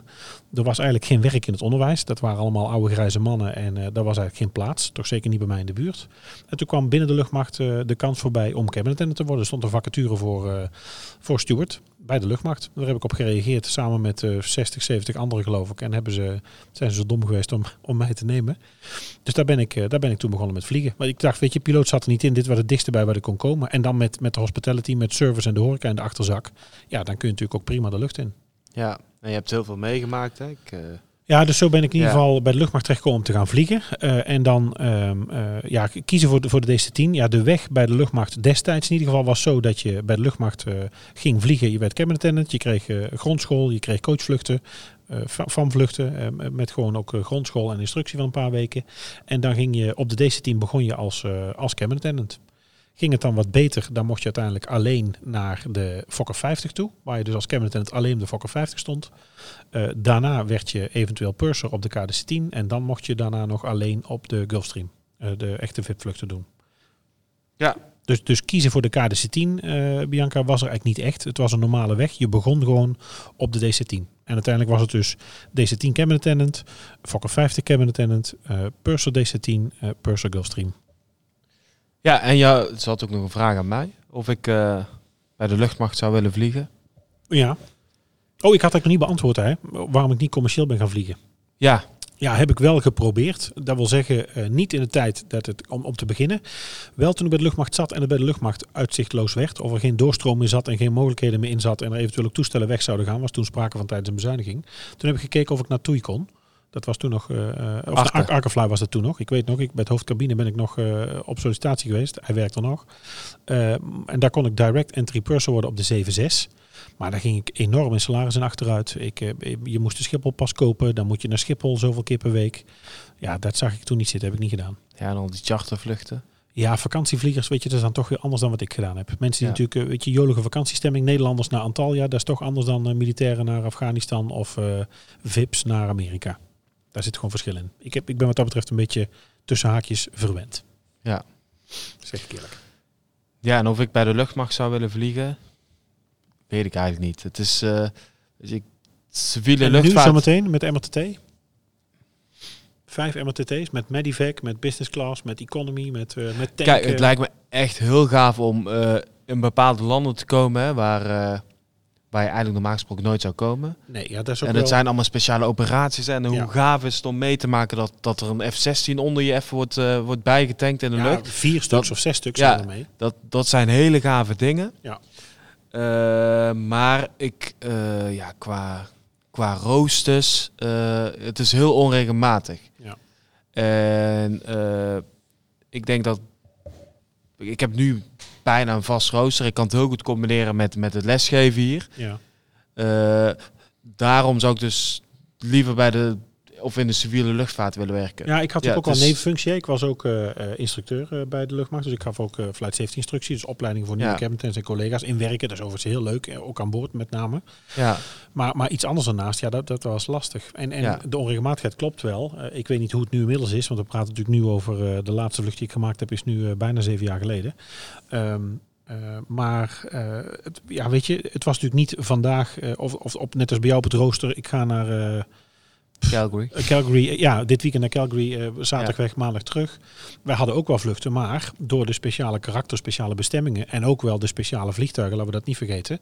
Ja, had ik wel eens vluchten die eigenlijk vier dagen zouden duren en uiteindelijk tien dagen duurden. Ja. Of dat je vandaag terugkomt uit Dubai, overmorgen naar Amerika gaat en over vijf dagen weer in Afghanistan zit. Ja, Eh, of eh, doordat de kist kapot is, of dat een operatie verlengd is, of een bepaalde VIP of een minister ergens wil blijven, of een calamiteit is, dat je eigenlijk niet weet waar je heen gaat of hoe laat je thuis bent. En ik heb ook vluchten gehad dat ik eigenlijk thuis niet kon of mocht zeggen waar ik naartoe was, of met wie. Eh, en ook niet wist wanneer ik thuis zou komen. Ja, dat, Ja. dat werd wel zwaar. ja zeker als je, als je een gezin hebt, Ja. kinderen hebt, dan, dan wordt dat lastig, lijkt Ja. mij. Ja. Dus ja, als ik eeuwig vrijgezel zou blijven, geen kinderen Nee. Zou willen en eh, me volledig eh, zou focussen op het vliegen, dan ja. Ja. Maar in mijn huidige situatie, nee. Nee, lastig. Nee, ik. Lastig. Eh, Bianca, bedankt voor jouw vraag. En ook met name bedankt voor wat je daarna eigenlijk schrijft. Want daar zet je bij. super bedankt voor jullie werk. Ik volg de podcast sinds januari. Ik ben zelf een aviation geek. Ik heb superveel van jullie bijgeleerd. En zelfs mijn Nederlands is verbeterd. Want ik ben zelf niet Nederlands. Gezond blijven en heel veel succes met de podcast. Nou, Bianca, super sympathiek. En eh, heel Ja. erg bedankt voor je vraag en je Dankjewel. complimenten. Eh, de laatste vraag van eh Sinem. Hey, Sina. Ja. Heeft vorige week bij ons in, in de podcast Ja. gezeten. Luister nog even Onze terug. Als je geïnteresseerd bent in eh, interieurverzorging van een, van een vliegtuig, luister dan even podcast nummer twee- 31 terug. Eigenlijk, ze heeft eigenlijk twee vragen gesteld. Toen ben je bij de luchtmacht terechtgekomen. Dat heb je net al verteld. Ja, een beetje wel Dus eigenlijk. eh, eigenlijk via je vrouw. Ja. Eh, wat was je functie precies? Ja, ik was dus eh, eh, in principe eerst sergeant kok en daarna was ik dus sergeant cabin attendant. Dus ik had gewoon, ik was militair. Ik moest ook één keer per jaar de sporttest doen. Één keer per, de sporttest, één keer per jaar vliegmedische keuring. Om het jaar naar het, het vliegmedisch centrum in, in Soesterberg. En ook gewoon één keer per jaar schieten. Met, eerst met, met de C7 en daarna, nee, met, godverdomme, met, hoe heet dat ding? Ehm, uiteindelijk met de Glock. Met pistool. Dus ik, weet je, wat dat betreft ook militair. Je had dus ook Dus oefeningen. je Ik ben kan dus ook schieten. ja, ik kan zeker schieten. En ik was ook goed ook, moet ik zeggen. Ja? Ja, ik was echt goed. Wa- Waarom? Heb het- veel Counter-Strike gespeeld? nou, het, nee. Call of Duty. Nee, gewoon echt. Wij schoten met echt... nee, sorry. Dat is allemaal nep wat je nou noemt. Nee, Oh. wij hadden, nee maar wij schoten met, oh, met de Dimaco. Met de Dimaco, dat was natuurlijk het eh, halfautomatische eh, wapen. eh, 15 scherpen erin. Ehm, maar, eh, en dan eh, later als je gaat vliegen, omdat het wapen dan te groot is, mag je met de Glock eh, gaan schieten met een pistool. Eh, eh, 9 mm. nee, maar omdat ik... ik eh, ja, hoe zou ik het zeggen? Ehm, ook dat gamen, dat, dat, wat je al die spelletjes in noemt, heb ik eigenlijk nooit gespeeld. Vond ik niet zo interessant. Ook het echte schieten vond ik zelf wel aardig, maar niet zwaar interessant. Dus voor mij lag daar geen druk. Dus als ik met collega's was schieten, of je, was, je wordt natuurlijk met heel de luchtmacht gecombineerd of met heel Eindhoven gecombineerd om hier in Budel eh, te gaan schieten. Ja, dan zijn natuurlijk ook mensen bij die vinden dat belangrijk of leuk, dus die leggen daar veel druk neer. Nou, en als er iets niet lukt onder druk, goed, dan is het Dat echt schieten. schieten. En ik had daar minder interesse in. Voor mij lag daar geen druk, dus ik was altijd heel goed. Ik zal niet zeggen scherpschutter, maar doordat ik dan voor mezelf dacht, ja, pff, nou ja, oké, we doen het. Ja, kon ik best wel heel rustig op mijn gemak schraan, schiethouding, richten, afdrukken, ademhaling en narichten. Schraan. Zo.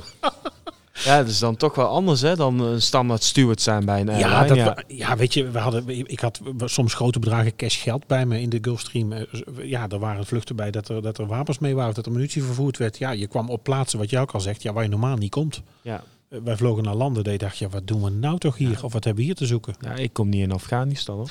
Nee, nou ja, ik, ik zeg even altijd heel flauw eigenlijk. En eh, ik hoop niet dat ik iemand voor het hoofd stoot nu. Maar alles wat op stand eindigt, hoef je eigenlijk niet heen.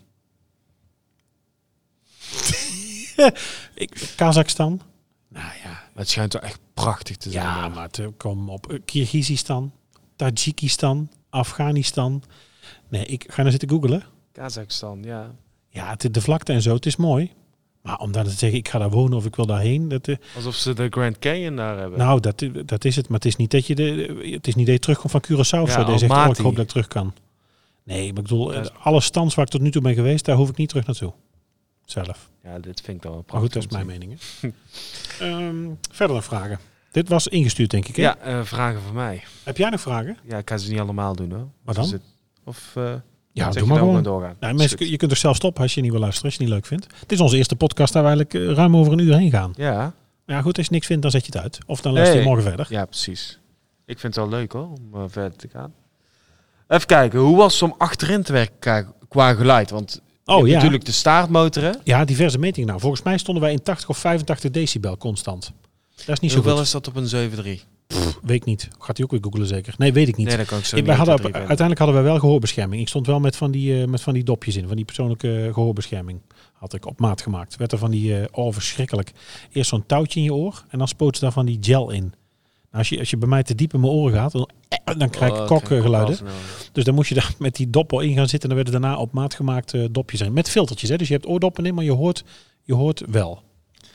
Ja, de, de, de DC-10 of de KDC-10 heeft geen winglets. Hè? Merkt je dat eh, aan boord? Dat Nou, die wat stugger is? Nou, ik heb geen idee. Ik weet, denk niet dat ik dat verschil toen wist. Eh, ik ben natuurlijk geen piloot. Kijk, ik kan me voorstellen als je natuurlijk normaal gesproken zo'n kist vliegt, dat je iets voelt aan eh, vliegeigenschappen. En eh, hij heeft natuurlijk inderdaad geen winglets, dus er zal natuurlijk normaal gesproken wat meer die vortex, die, die, die onrustige lucht die natuurlijk turbulent vertrekt vanaf de vleugel. Ja, ik kan niet zeggen dat ik daar last van had. We hebben altijd, ik moet altijd zeggen dat ik altijd heel comfortabel gevlogen heb. Oké, hij maakte veel lawaai. Eh, Oké, je rook ook wel eens een klein straaltje peut bij take-off. Eh, maar ja, goed, dat had ook zijn charme. Ja, dat ruik je ook als, je, als de motoren starten. Ja, nou dat dus. Ja, ik vind het lekker ruiken. Ja, een beetje vers gras en peut, jongen, dan kunnen we niet blij Ik vind maken. benzine ook altijd lekker ruiken. Ja, weet je wel, weet je wel. Nee, dus of hij nou straf of vliegt, kan ik niet zeggen. Eh, met hoeveel crews stonden jullie aan boord? Eh, dat verschilt. In principe was het zo dat je natuurlijk eh, gewoon de IATA-richtlijnen had. Eh, de JAR-OPS en dan de MAR-OPS, de militaire versie van de JAR-OPS. Vaak verzwarend, vaak strengere regels. Maar in principe was het ook zo dat wij eh, vier attendant seats hadden achter.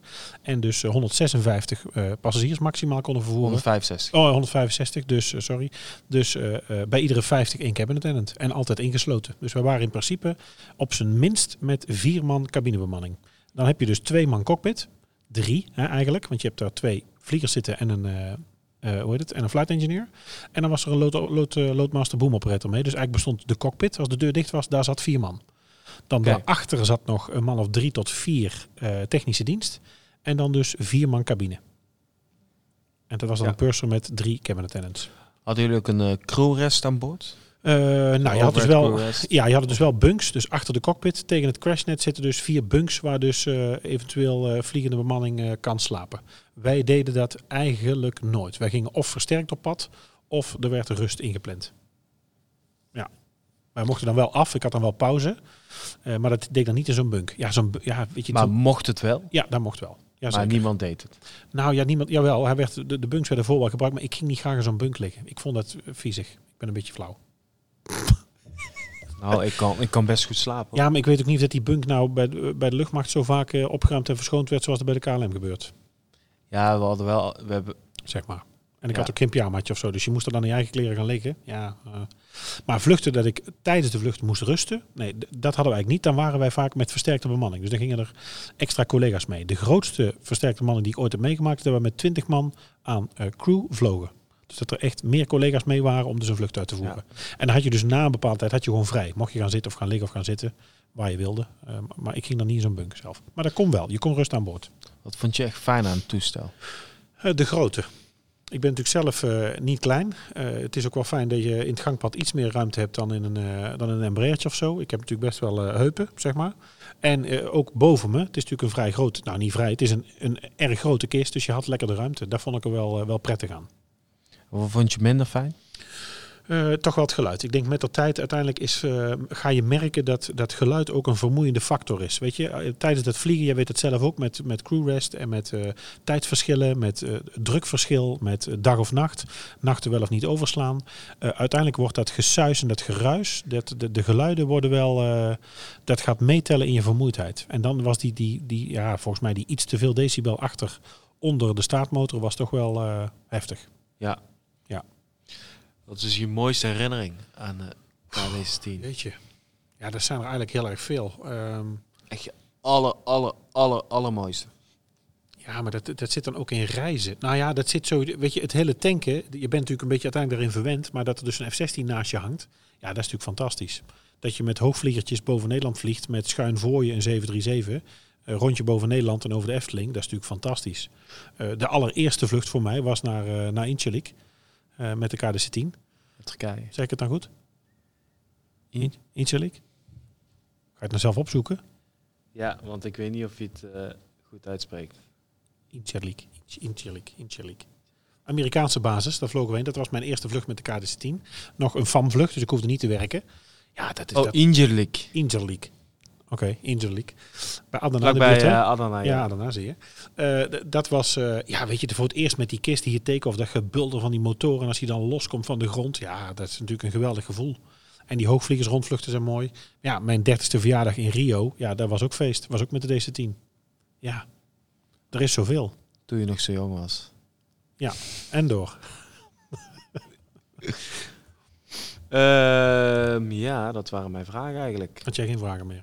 Ja, hoe was de cabine ingedeeld? Maar dat, dat, Ja, we het eh, over gehad, hebben we het verteld. al over gehad. Ja, inderdaad. bijzondere kist. Bijzondere kist. Het is toch wel, ik zat dit voor te bereiden, zit je naar foto's te kijken, je gaat ook in je eigen archief eens kijken. Ja, het is toch een bijzondere tijd. Ja, Het is apart. En, en ik besefte me, nou zeg jij inderdaad toen je nog jong was. ehm, ja, vergeet niet, ik ben nu dit jaar, eh, ik ben de vorige maand 40 geworden. Eh, ik ben hier eh, zeven jaar nu op school aan het werk. Daarvoor heb ik dus eh, een jaar of zeven gevlogen. En als dus straks in, eh, in juni of in juli de laatste KDC-10 weg is. Eh, en als dan straks ook nog de Gulfstream verkocht wordt, stel dat dat lukt. Dan vliegt er zometeen niks meer waar ik op gewerkt heb. En dat is natuurlijk wel een raar idee. ja. Dat kun jij je nu nog niet voorstellen. Maar Fokker 50, KDC-10 en Gulfstream, alle kisten waar je dan dus zelf mee de wereld over gevlogen hebt, die zijn er dan niet meer. Dat is natuurlijk een raar idee. Nou, nou niet de kopjes laten hangen, hè? Maar dit ja, komen we nou zo aan het eind. Ja, ja. dus dat is, eh, ja, dat is eigenlijk een beetje het verhaal van de DC-10 en, eh, en dan een klein beetje mijn verhaal daardoorheen. Zijn we volgens mij doorheen, als we naar zitten Ja. op eh Bijna anderhalf 1,25. ja. Mensen hebben de auto eh, aan de kant stilgezet of eh, hebben het bad nog een keer vol laten lopen om te luisteren. Maar ik heb, er, eh, ik heb ervan genoten. Ik vond het ook leuk. Ik vond het sowieso leuk om weer hier eh, samen te zijn.